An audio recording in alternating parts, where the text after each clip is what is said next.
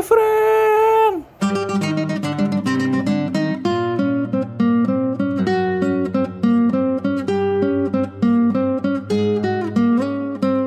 Oke, kembali lagi di The Voice of Panda Skudus.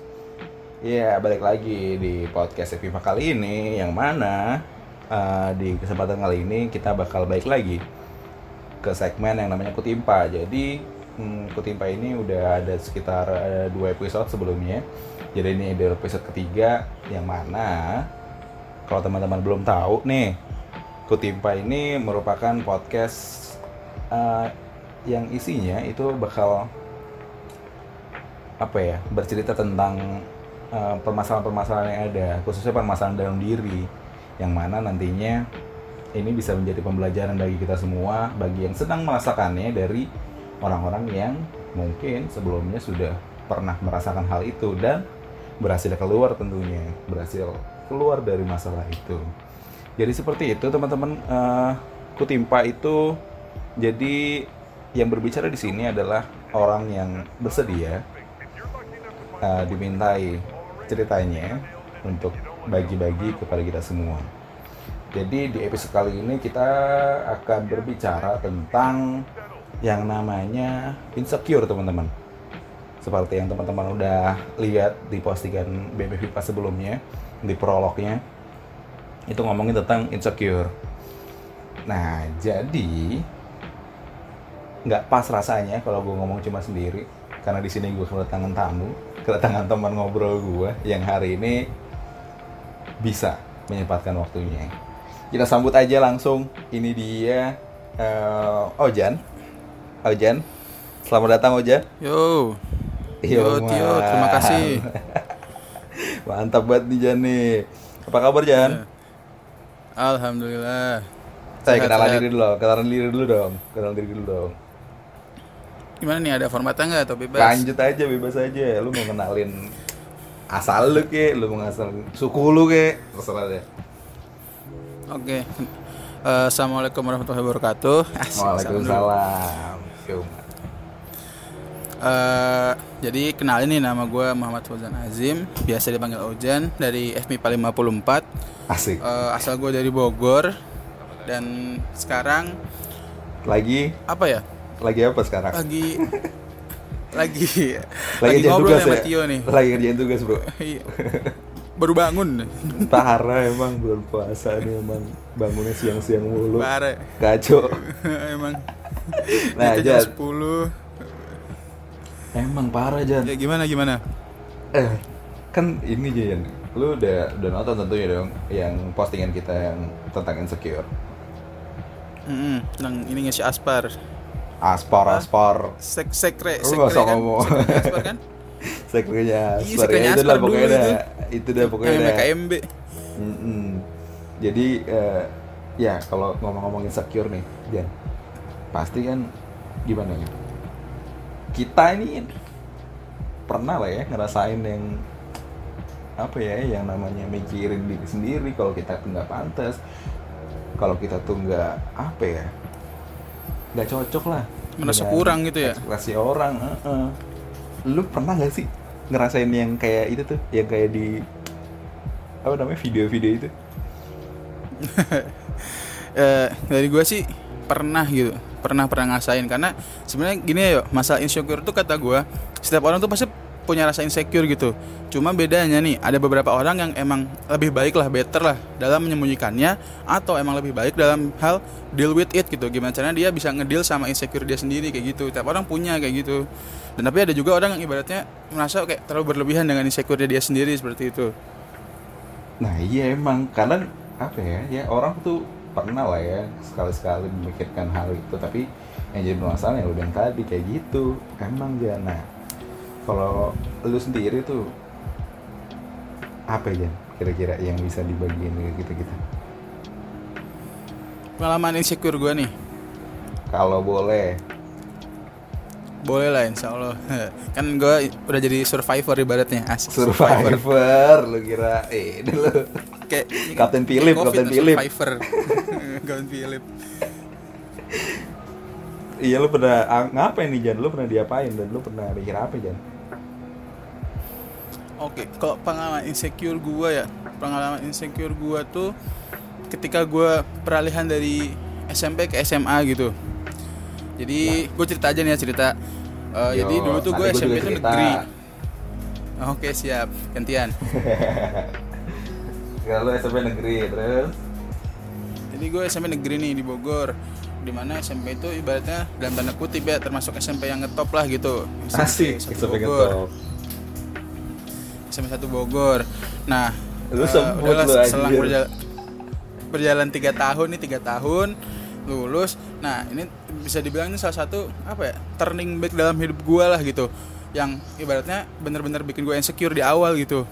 Kenapa tuh Jan? Jadi pas gue lanjut SMA, ibaratnya gue udah udah udah dapat SMA nih. Biasanya kalau di Bogor nih ya, kalau orang dari SMP 1 tuh pasti langsung ke SMA 1 gitu loh. Kan Oh, kayak selagi ya. secara posisi tuh sebelahan kan. Pasti ya kan jadi kampung. se- secara posisi tuh sebelahan tuh, heeh. Heeh. Kayak ya itu seberangnya Istana Bogor tuh sebelahan. Nah, itu biasanya kayak gitu. Nah, gue entah kenapa nih gue mungkin dapat hidayah atau emang lagi pengen tobat apa gimana, gue memutuskan untuk masuk pesantren yuk. Langsung pesantren. SMA di pesantren. Iya, benar. Iya. Jadi ada Iya, ada kayak gitu. perubahan kultur ya. Iya ada perubahan kultur kayak gitu dan itu bisa dibilang apa namanya ya kayak gue insecure ketika orang-orang tuh bilang gila lu Jan lu yakin mau masuk pesantren gitu ya ibaratnya dulu gue SMP SMP itu masih anak-anak yang tongkrongan gitulah ibaratnya Asik. yang ibaratnya kalau kalau kalau orang tuh kan tipe siswa kan ada tiga tuh ada yang duduk di depan di tengah di belakang nah gue tipe keempat nih gue di kantin enggak gue di kantin Yo, gitu gua gak expect lo Di kantin. gitu. Iya, kayak gitu makanya kan Eh kalau menurut gua Baik, siswa tuh ada tiga. Jan. Eh ada dua. apa tuh ada tiga deh, ada tiga apa tuh Tiga, Orang yang pinter banget. Eh jadi gini, siswa tuh hmm. dikenal bisa dari dua hal. Kalau lu pinter-pinter banget, Hmm. kalau lu goblok kayak goblok banget gitu aja. oh gitu Jadi kalau tengah-tengah tuh biasanya nggak dikenal tuh. nah Iya. gitu nah gue tuh tadi yang ya gue yang pinter enggak goblok gak mau kayak gitu lah mungkin Tapi di kantin. nah jadi kantin kelasnya di kantin kalau nggak di di ini di apa namanya di pojokan nah terus jadi ibaratnya kan udah pada nggak setuju begitupun juga eh, kayak guru-guru gua gitulah bahasanya kayak eh, kamu yakin Zan ini? Ibaratnya kamu udah di tag nih sama SMA 1 gitu SMA yang udah bagus. Tapi kenapa malah mau ke pesantren gitu? Ya saya ya gue bilang aja eh, kayaknya saya pengen nyari hal yang baru pak gitu. Pengen taubat apa gimana gitu gue lupa. Pokoknya gue bilang kayak gitu kan. Nah Iya, iya. tapi ya itu sambil berusaha meyakinkan diri gitu loh. Ketika semua apa ya, ada ada peer pressure lah bahasanya. Kayak tekanan teman-teman ya gila lu Jan mau pesantren bla bla bla ntar lu nggak bisa SNM lah nggak bisa lomba lah. Ya lu tahu sendiri kan ntar cuma cuma kan katanya anak pesantren cuma bisa dua kan kalau kalau nggak apa kalau nggak ceramah ngaji gitu Ngaji. nah padahal ah, ah, padahal lu dari pesantren nggak kayak gitu gue nggak bisa dua-duanya malah kayak Bisa ya, bisa ya. Bisanya perang Kayak sarung gitu. ya, perang sarung, perang sarung. Eh, bener bener sarung, mentasan gitu kan. Nah, makin insecure itu adalah ketika gue masuk pesantren itu. Jadi eh, ada hal yang nggak gue tahu sebelumnya. Jadi karena gue dari SMP negeri, kan ibaratnya gue nggak punya basic nih. Gue nggak punya basic pelajaran agama yang terlalu mendalam, nggak punya basic bahasa Arab karena ya pesantren kan biasanya pakai bahasa Arab kan. Nah, Yoi. ketika gue masuk, ternyata gue nggak langsung kelas 1 SMA boy, nggak langsung kelas Ngapain dulu tuh? satu nah kelas satu aliyah kalau bahasa pesantrennya nah jadi ternyata ada namanya kelas persiapan atau kelas idat gitu preparation class nah asik. Aja, Nah, stud kayak call gitu. kalau mau stud call. Ah, stud call, ah, stud call. nah, nah, kayak gitu. Jadi selama setahun nih, gue tuh belajar eh, kayak bahasa Arab dulu, basic-basic bahasa Arab, sama belajar basic-basicnya ilmu agama gitu, kayak akidah, Hmm. fikih segala macem. Dan sebenarnya itu yang bikin gue makin insecure gitu, kayak, waduh gila nih, gue bakal lu- lulus telat nih bahasanya. Teman-teman seangkatan gue bakal jadi cutting gue, terus adik-adik kelas gue bakal seangkatan sama gue gitu. Kayak teman lu kan, si Aspar kan dulu adik kelas gue gitu tuh.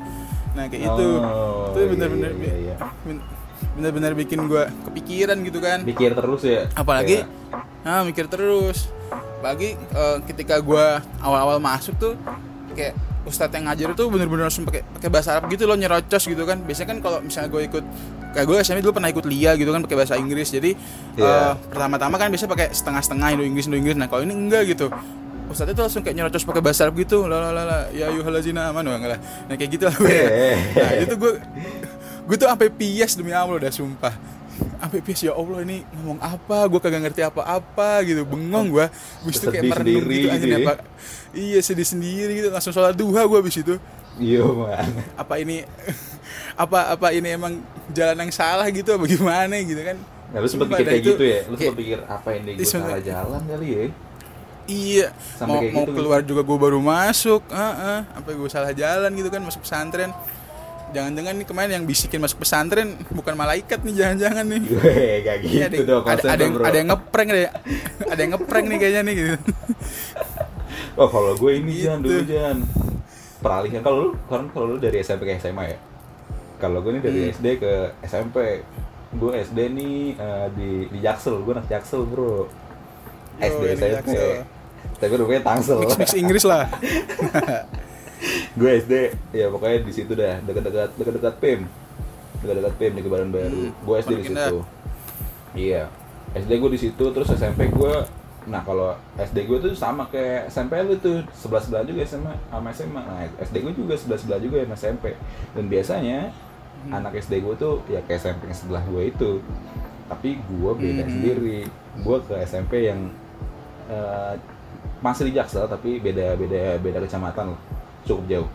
Di Kebayoran Lama gue SMP. Nah di situ gue kayak mikir pas masuk situ gue gue nggak punya teman siapa siapa dan gue di situ juga apa ya istilahnya tuh ya kan di lingkungan itu pasti udah ada orang yang kenal kenal dulu dong sebelumnya karena satu SD mungkin Hmm.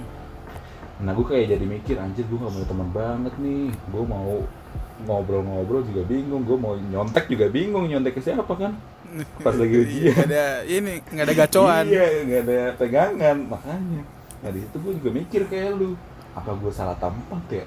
Gue sempat mikir pindah sekolah tau jangan gara-gara ya orang-orang mikirnya teman kelas gue ya waktu itu SMP mikirnya kayak anjir nih orang ini banget susah banget mana masih SMP kan masih bocah jadi kayak ya gue berpikiran hal yang sama kayak lo apa gue salah tempat nih di sini nih?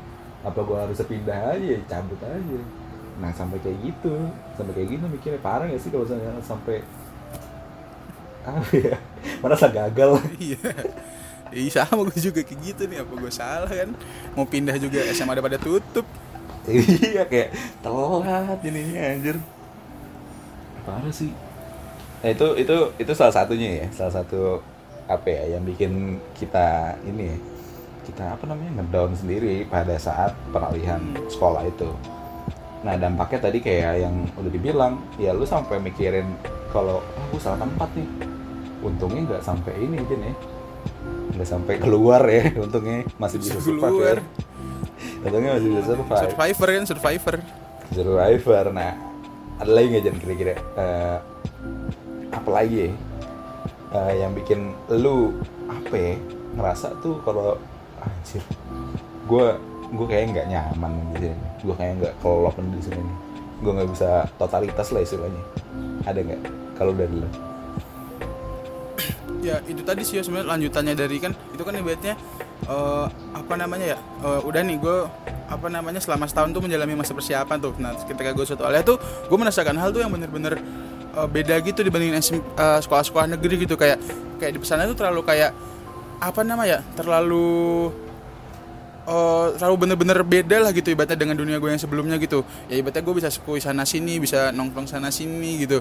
Terus ketika tadi di pesantren kan ibaratnya kayak gue gue nggak nemuin teman yang kayak gue juga gitu loh yang ibaratnya kayak modal-modal negeri lah gitu. Awal-awal. Teman-teman gue nongkrong di masjid nah, awal-awal kayak gitu.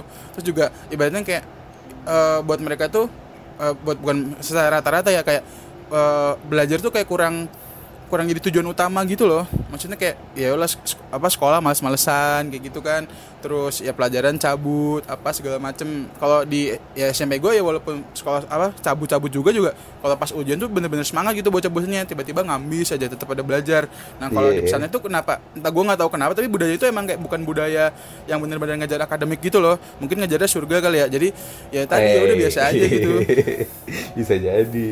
Jadi itu kayak apa ya? Yang membuat lu belajar buat merasa ambil beda ya? gitu kan Merasa beda Ah, ya? beda, Buat beda banget. beda. Nah, beda banget pokoknya makanya gue antara betah nggak betah gitu dengan keadaan kayak gitu Tapi balik lagi, untungnya lu survive. alhamdulillahnya survive Gimana Jan? Gimana lu bisa survive dari situ Jan?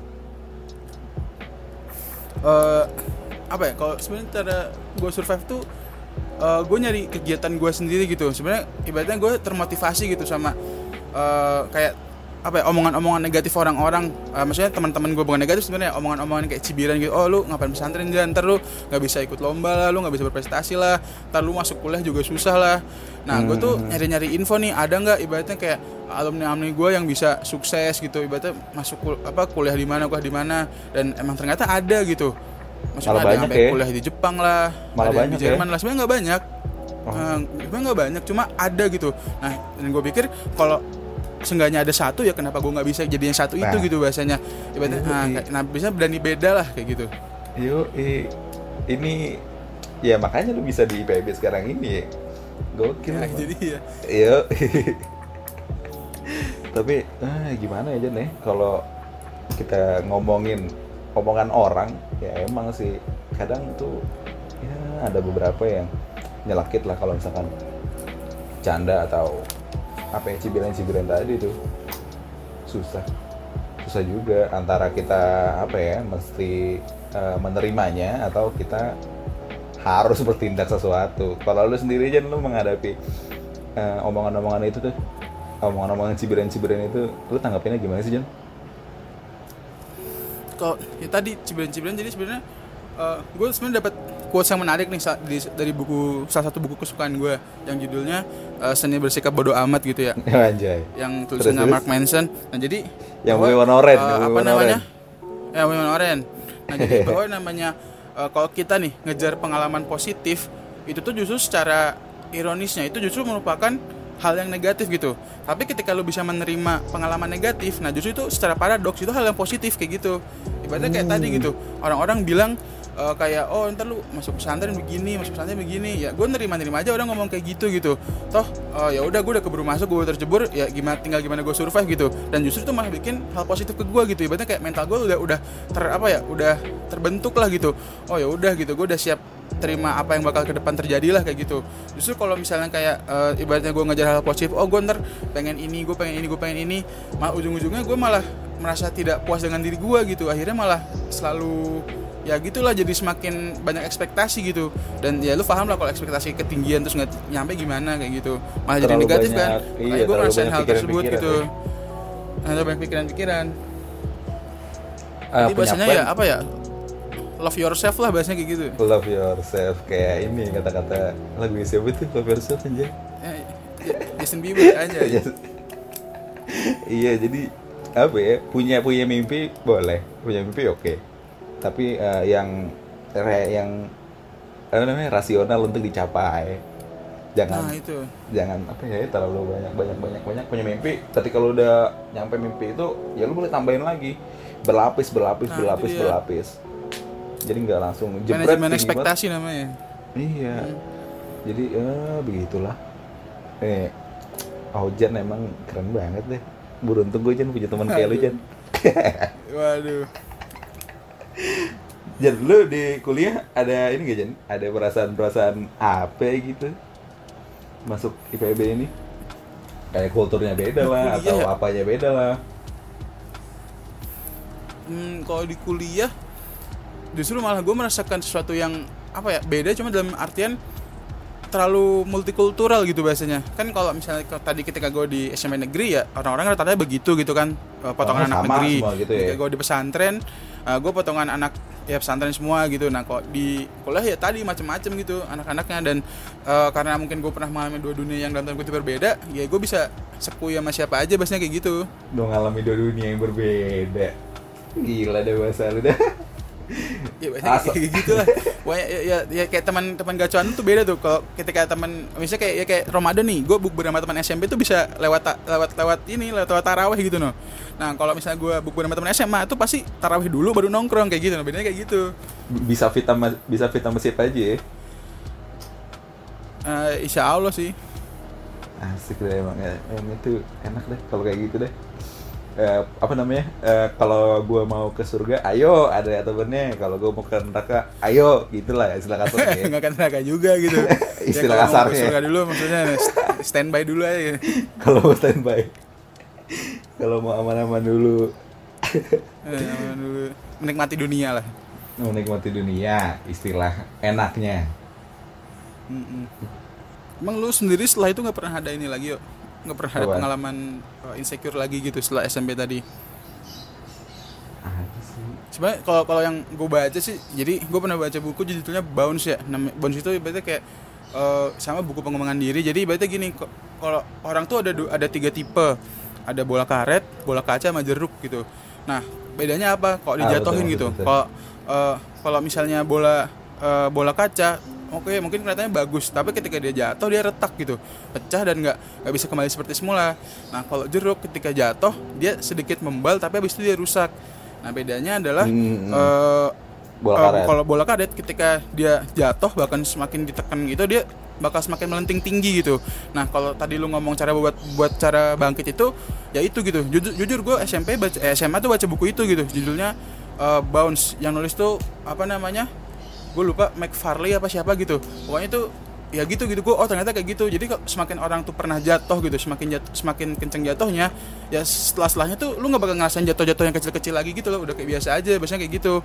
Makanya ketika gue merasa insecure banget pas eh, zaman peralihan SMP ke SMA tadi ya setelah setelahnya gue ya kayak biasa aja gitu ngadepin kayak masalah-masalah hidup. Karena toh gue pernah survive dari hal yang lebih parah biasanya kayak gitu. Jadi ya lu belajar jadi bola karet gitu. Semakin ditekan lu semakin melenting ke atas biasanya kayak gitu itu ya juga manajemen bisa kemampuan lu buat melenting gitu Iya, kadang orang tuh mesti ini dulu gak sih? Apa namanya?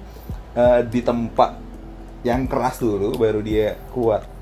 Dia mesti ngerasain dulu hal-hal yang emang berat untuk dia baru bisa dia menghargai orang lain kayak gitu gak sih? Kadang tuh orang yang Ah, bener, hidupnya gitu. hidupnya enak-enak aja nih, hidupnya mulus-mulus aja. Ya dia kayak nggak nggak punya opsi lain untuk berpikir kalau misalkan oh dia ini ternyata kayak begini loh, dia ini ternyata kayak begini. Lebih susah, lebih susah lah istilahnya kayak gitu. Iya gak sih? Lu bisa untuk paham. Oh, gue gue juga pernah dulu nih Jan nih. Dulu terus ada satu lagi kalau menurut gue. Ini berhubungan dengan cerita gue. Jadi dulu tuh gue SMP eh, baik lagi nih ini masalah masalah sekolah nih nostalgia nih.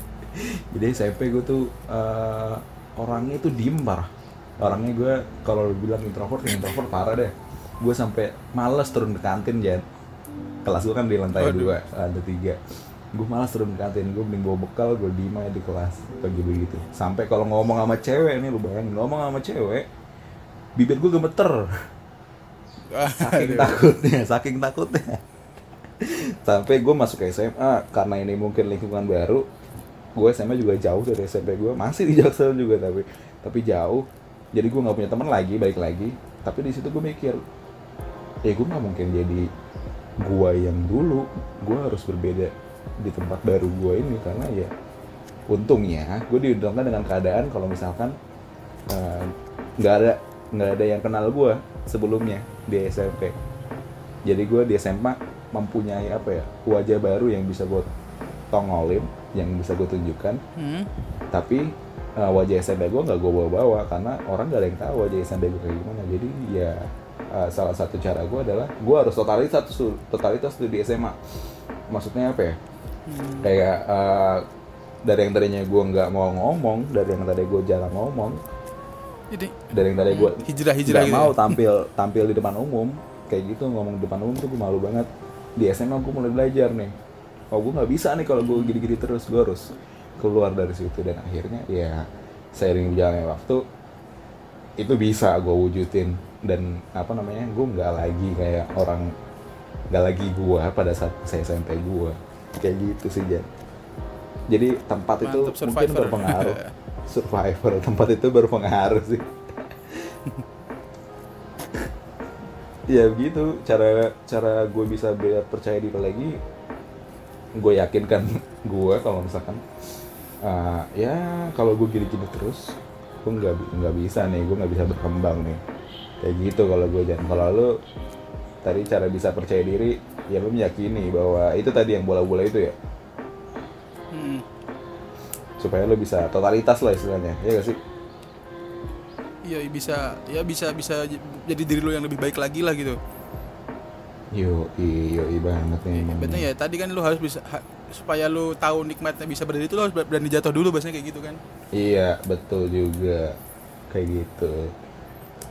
Nah, Jan, nih kita masuk ke eh, topik terakhir. Kira-kira do's and don'ts, hal yang boleh dilakukan, hal yang dan yang jangan dilakukan. Ketika lo lagi kayak gitu tuh apa tuh? Ketika lo lagi Ketika- apa namanya tadi insecure lah istilahnya. lagi insecure Eh do's and don'ts ya Hmm, pertama dari don'ts-nya dulu kali ya kita biar Don'ts, positif boleh, vibes gitu boleh. kan dari don'ts-nya dulu. Eh, satu don'ts-nya itu adalah eh, jangan judge- jangan judge diri lu sendiri pertama itu. Mm-mm. Ya kan? Jadi ya segimanapun lu ya lu jangan ngejudge diri lu sendiri kayak apa ya, kayak oh gue buruk nih gue bakal gagal gue bakal sial segala macam itu jangan. Nah terus kedua jangan comparing gitu. Ibaratnya lu jangan ngelihat temen lu yang mungkin dalam tanda kutip hidupnya terlihat lebih baik daripada lu gitu. Karena ya setiap orang itu dikasih soal yang beda gitu pasti tiap orang juga punya jawaban yang beda kan kalau lu nyontoh jawaban orang lain kan bisa jadi emang soalnya beda gitu sama soal lu biasanya kayak gitu Iya, betul, betul. Nah itu yang down ya. Terus terakhir itu eh kalau misalnya lagi insecure tuh avoid ini aja sih so- media sosial gitu. Jadi Kalau ya- lagi, ya kalau bersyukurnya gue gitu ya. Ah, ah, karena bersyukurnya gue kan kalau di pesantren kan eh, nggak boleh bawa HP nih yo. Jadi ya awal-awal emang ya gue nggak bawa HP sih. Eh, makin kelas 12 makin bandel lah bawa HP. Cuma pas awal gue pindah tuh emang gue bener-bener bener-bener nggak bawa HP gitu. Karena kalau ketika lu buka media sosial tuh lu bakal ntar ngeliat teman-teman lu udah oh udah pada pakai baju SMA lah, udah ngeliat teman-teman lu belajar apa kimia segala macem teman-teman lu udah pada oh ini gue udah siapin apa segala macem kayak gitu nah kayak gitu jadi kalau insecure tuh tadi gitu bakal eh, ujung-ujungnya bakal balik ke tadi tuh ke comparing lagi gitu lu bakal ngebandingin sama ngeliat orang lain gitu. gitu ya. Ah, Ah, ah. ah. Karena media sosial gitu kan emang tempatnya orang buat dalam tanda kutip buat show off lah Pamer. biasanya kayak gitu. Ah, betul, betul. Nah, pamer. Makanya kalau lagi insecure lebih baik ya jangan buka medsos dulu gitu apalagi ya ya gitulah. Kalau kalau kata Petra tuh yang terakhir tuh yang poin ketiga ini detox digital. Pernah dengar gak? Nah, Nah itu detox digital tuh mungkin itu menjadi salah satu pilihan ya ketika kayak begitu. bisa bisa kayak gitu. Mm-mm. Yang dusnya dus sih. Oh tadi yang nomor tiga dus ya. Berhubungan juga sama tiga. dusnya. Nah, permenjurnya digital. dusnya. Sebenarnya eh dusnya itu kalau dari gue sih sebenarnya itu adalah apa ya? Accepting all yourself of your apa ya? Or, apa all your past lah kayak gitu. Jadi kayak lu lu harus menerima nih segala tentang diri lu, segala tentang apa ya masa lalu lu gitu ya udah gitu emang dalam tanda kutip gue dulu anak negeri terus masuk pesantren oh ya udah emang gue nggak bisa bahasa Arab kayak gitu gue nggak bisa pelajaran agama ya udah gitu lu terima aja gitu kayak tadi gue bilang accepting negative vibes itu sebenarnya positif loh, kayak gitu loh Oh iya iya. kalau iya. emang kayak gitu ya ibaratnya nah itu Ah. itu dusnya gitu pertama lu lu accept dulu terus ketiga eh, lu harus apa namanya self approval gitu ibaratnya kayak eh, self jadi kayak orang tuh kadang show off itu cuma buat nyari approval orang lain gitu. Oh gue harus kayak gini. Nah itu mak- makin bikin insecure kayak gitu. Nah kalau gue gue harus bikin targetan gue sendiri gitu. Dan itu ntar gue approve. Oh gue udah bisa nih gue udah bisa kayak gini. Ibaratnya kayak gue udah bisa nih ngerti bahasa Arab dikit-dikit. Gue udah bisa nih ngerti agama.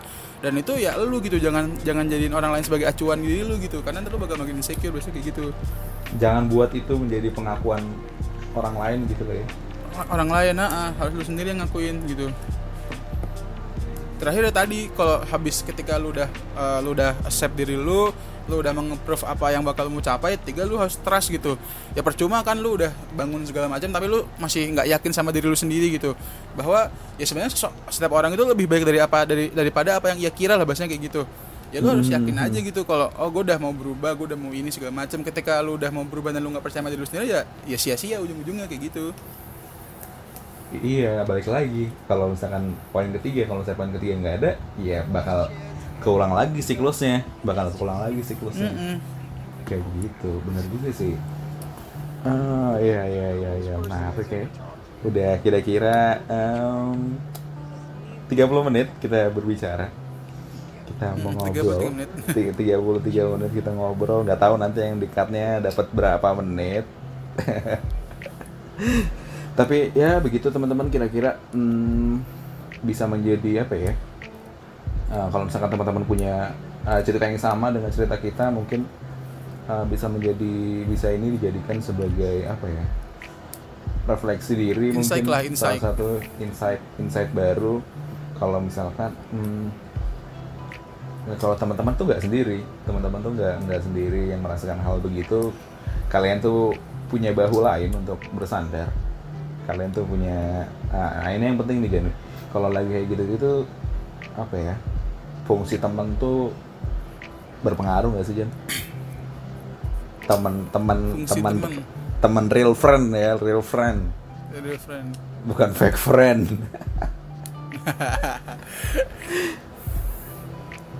Iya sih, jadi kalau emang lu punya teman-teman yang bisa lu trust gitu, apalagi kan kadang soal kalau masalah kan agak sensitif ya. Tapi kalau emang lu trust sama orangnya, ya nggak apa-apa lu sharing aja gitu. Kadang emang masalah itu sebenarnya lu udah tahu solusinya nih, tapi lu cuma butuh tempat buat cerita aja gitu. Ya nggak sih kadang kayak gitu. Jadi kalau emang lu punya teman itu ya sok aja gitu cerita, minta saran sama teman deket lu gitu. Cuma terakhir mungkin kalau lu nggak merasa nggak percaya juga sama temen lu, kalau lu nggak punya bahu bersandar, lu selalu punya sejarah untuk bersujud boy. Nah seperti itu. Jadi kalau emang lu nggak bisa cerita sama teman ya cerita sama Allah kayak gitu betul ya mungkin nggak bakal banget. langsung dijawab langsung gitu maksudnya kayak tiba-tiba ada suara dari langit jawab enggak kan cuma ya lu sengaja lebih tenang ah. lah bahasanya kayak gitu iya seenggaknya ya pikiran-pikiran lo tuh nggak menumpuk lagi lebih tenang betul Oke, itu tadi dari Ojan. Eh, cukup apa ya, menambah informasi untuk kita semua. Eh, kita sampai di penghujung obrolan. Dari sini mungkin gue lempar dulu ke Ojan untuk menyampaikan closing statement ya. Yang mungkin sudah dia persiapkan. Silakan Ojan. oke eh, dari gua bahwa tadi setiap orang itu pasti punya rasa insecure. Tinggal gimana caranya kita deal sama rasa insecure tersebut. Eh, pertama tadi lu harus berani menerima insecure tersebut. Dan kedua lu harus percaya sama diri lu sendiri bahwa lu bisa mengatasi eh, hal tersebut. Toh kalau lu nggak punya bahu untuk bersandar nggak punya teman untuk cerita setidaknya lu punya sejadah untuk tempat bersujud gitu. Karena ya oke kita pakai dalil ya ala bizikrillahi tatmainul qulub hanya dengan mengingat Allah lah hati kita akan tenang nah seperti itu tuh karena ya tadi gitu ujung-ujungnya emang balik ke ketenangan hati lagi gitu pokoknya kalau hati lu tenang ya insya Allah lu nggak bakal insecure kayak gitu itu sih paling dari gue Oke, mantep banget. Ditutup dengan dalil. Pas banget ya di bulan puasa ini ya. Asik Masya deh. Allah. Masya Allah, Masya Allah. Oke, em, ya ada sedikit tambahan dari gue. Pesan untuk teman-teman semua. Eh, mari kita mulai gerakan Stop Insecure dengan belajar bersyukur. Oke sekian gue timpa episode ketiga kali ini. Gue Muhammad Rizky Prastio dan dan gue Muhammad Fauzan Nazim. inilah dia The Voice of Panda